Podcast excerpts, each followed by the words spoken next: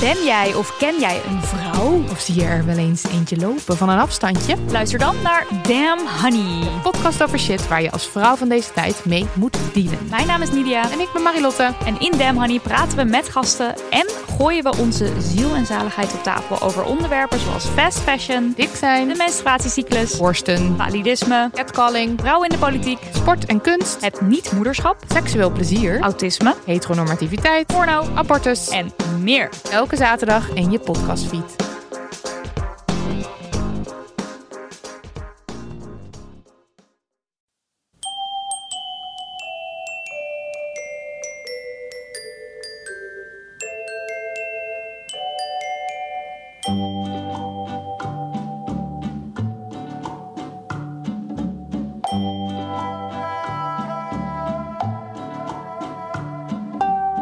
Welkom bij aflevering 135 van de Echt Gebeurd podcast. Bij Echt Gebeurd vertellen mensen waar gebeurde verhalen die ze zelf hebben meegemaakt. In deze aflevering een verhaal van Henk Euving. Het thema was misdaad en straf.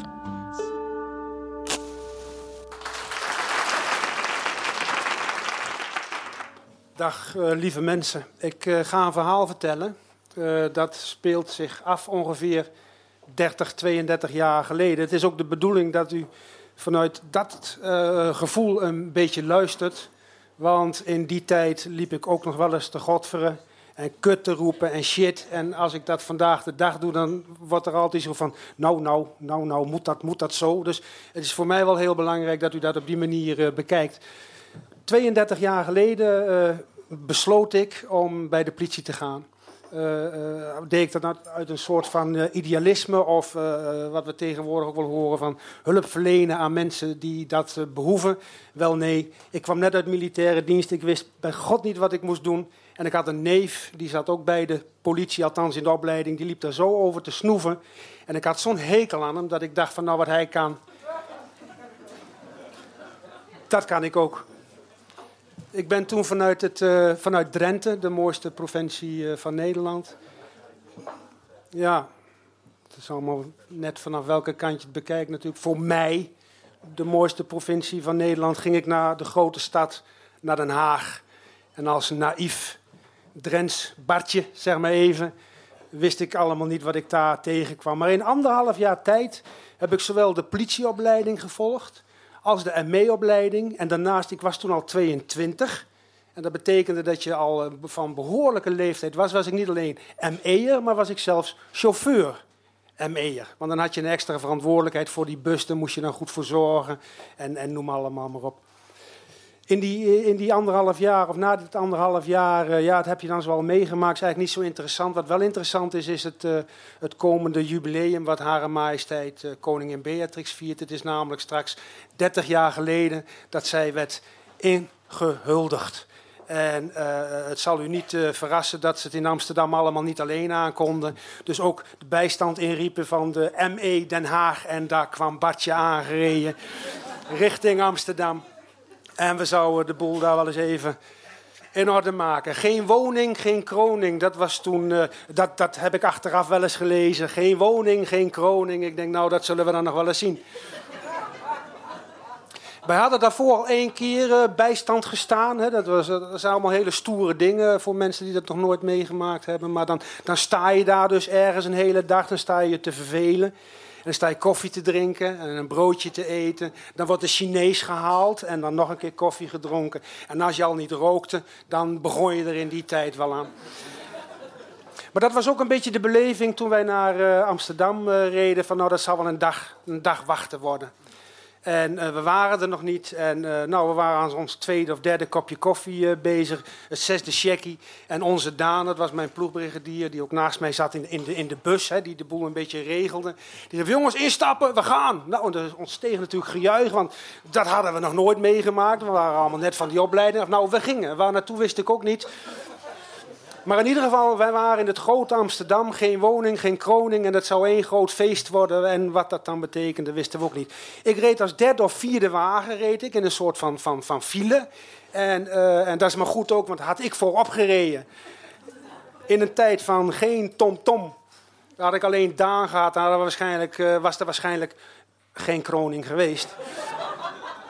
Maar goed, gelukkig reed ik als derde waan. Ik kan u vertellen hoe naïef ik, ik wel niet was in die tijd. Maar we reden namelijk met die busjes hè, en die files, zoals ik al vertelde. En de, en de sirene aan en de blauwe lamp aan. En we reden over een grote kruising heen. En net op het moment dat ik aankom rijden, zie ik nog dat het licht van oranje op rood springt. En u raadt het al, Badje uit Drenthe Zo was ik nou eenmaal opgevoed. Naast mij, naast mij hoor ik nog Daan, en, en, nu weer even vanuit de ogen van een 22-jarige, hoor ik Daan ineens roepen: Godverdomme doorrijden! Oh, zo had ik onze Daan nog nooit gezien. Daan was iemand met een pijp in zijn mond, een hele rustige man. En dat kon toen nog, hè? Je kon gewoon ook in die ME-auto je pijp roken. Daar hoef je nu niet meer bij aan te komen. Maar goed, op een gegeven moment, en nu komt het, dan kom je in een, in een, in een wereld terecht waarin in, in honderden jonge lui, hè, dan, en dan druk ik me nog voorzichtig uit, want ik vond het toen gewoon gaaiers. Ik, ik, ik, was ook niet politiek geëngageerd of zoiets dergelijks, wist ik veel. Ik zag alleen maar dat onze jongens, dat mijn jongens uit die bus moesten op een linie staan en helemaal de tering werden gegooid met stenen. En ik zat daar in die bus en ik hoorde dat ook wel tegen die bus aangooien. Bam, bam. En je schrok wel. En ik zag hier en daar een collega van me omvervallen. Want er zijn die dag heel wat gewonden gevallen. En ik voelde me zelfs een beetje schuldig. Want ik moest in die bus blijven zitten. Ik mocht er niet uit, want stel dat we weg moesten, moesten zij er weer in. Oh, wat had ik graag naar buiten gewild om ook stenen te pakken en terug te gooien. En ik werd zo, ik was zo boos. En, en, en het is ook zo onrealistisch, want terwijl voor me een hele rij Emmeus. Dan weer 10 meter vooruit en dan weer achteruit. En het schoot ook niet op. Ik dacht van, wonnen we nou maar eens een paar meter? Maar we hebben daar drie uur gestaan en we zijn geen halve meter verder gekomen. En ik zat daar in de bus. En, ik, ik kijk van, ja, ik zie wel wat er gebeurt. Ik werd ook steeds bozer en bozer. Ik dacht van, nou laat ik maar eens een checkie draaien. En, en terwijl daar de stenen regenen naar ons toe kwamen, zat ik daar een sigaretje te roken en te kijken wat er ging gebeuren. En ineens viel me die, die, die ene steen, die viel me. Waarom weet ik ook niet, want er vielen honderden stenen. Ik weet zeker dat als we alle stenen die naar ons toe werden gegooid, daar hadden ze potverdorie wel een aardig appartementgebouwtje van kunnen bouwen in die tijd. Hoezo geen woning, geen kroning. Maar die ene steen, die, die ene steen die zie ik, die zie ik aankomen. En, en waarom die mij op dat moment opviel, weet ik ook niet. Maar ik zag al aan die steen, die gaat het niet halen.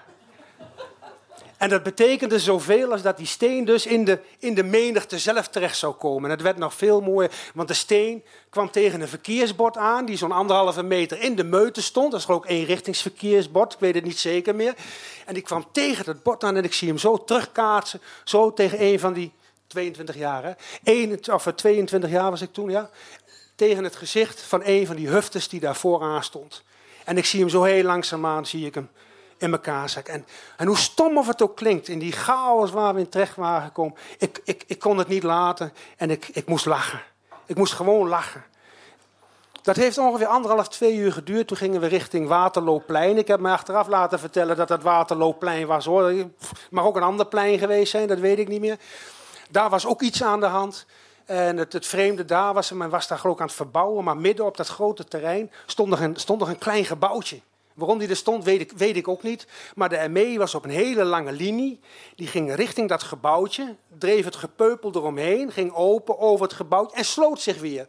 Normaal gesproken reden we dus ook met die auto's, dus als het ware een, een kleine linie, reden we, er, reden we er dan achteraan. Maar dat kon niet, want we moesten om dat gebouwtje heen. Dus in een soort van file reden we heel langzaam om dat gebouw. Want het ging niet snel, het ging niet snel, want je moest die linie bewaren. En als je allemaal op rij hard moet lopen, dat gaat niet zo snel. Dus met die bus. En vlak voordat we bij dat gebouwtje zijn, ineens zag ik ze. Want terwijl de ME om het gebouwtje heen was gaan lopen, hadden ze twee mensen uit het oog verloren. En ik zie nog net hoe twee van die gasten achter het gebouwtje, dus in de ruggen van de ME, met stenen in hun hand, van plan zijn om mijn jongens, ik was geen baas, maar zo voelde dat een beetje mijn jongens vanuit mijn groep met stenen in de rug te gooien. En ik werd zo boos, zo verschrikkelijk boos. En ergens diep van binnen dacht ik, ja, dit is het moment, ik, ik kan wat terug doen. En dat is later nog te zien geweest op brandpunt. Ta -da -da -da Weet je? Ik heb het nog een keer terug mogen zien, maar op dat moment de waanzin ten top. Ik verliet de file en ik reed vol gas op dat gebouwtje af. Vol gas. En ik had de intensheid en de woede die ik had. Ik wilde ze daadwerkelijk echt platrijden. Ze hebben het alleen overleefd. Het is echt, het is. Het is dit, dit, dit, moet je, dit, moet, dit moeten jullie echt letterlijk nemen. Ze hebben het alleen overleefd omdat ik dezelfde naïviteit had van... hé, hey, potverdomme, ik rij in de bus van een ander. Die ga ik toch niet te pletten rijden tegen een gebouwtje?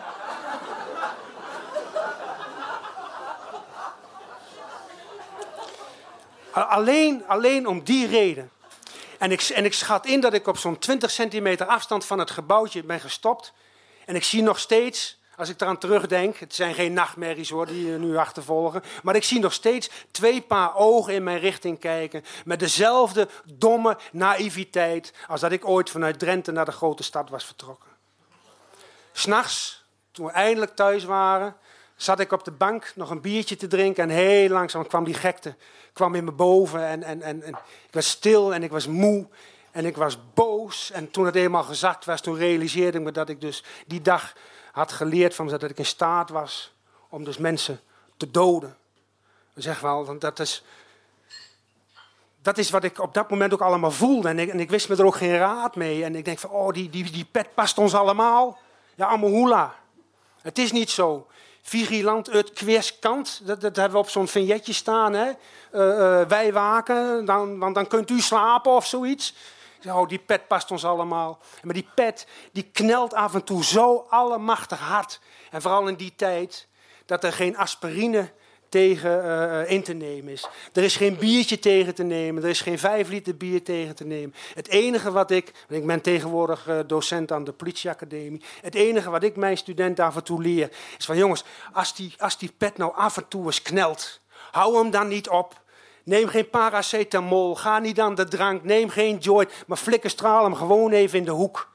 En ga dan even rustig tot jezelf zitten komen, want alleen dan ervaar je en alleen dan leer je. En dan word je niet cynisch en dan word je niet onverschillig zoals ik jaren ben geweest.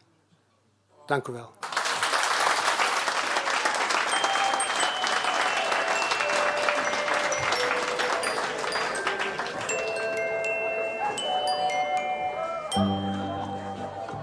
Dat was het verhaal van Henk Euving. Henk werkte al meer dan 40 jaar bij de politie.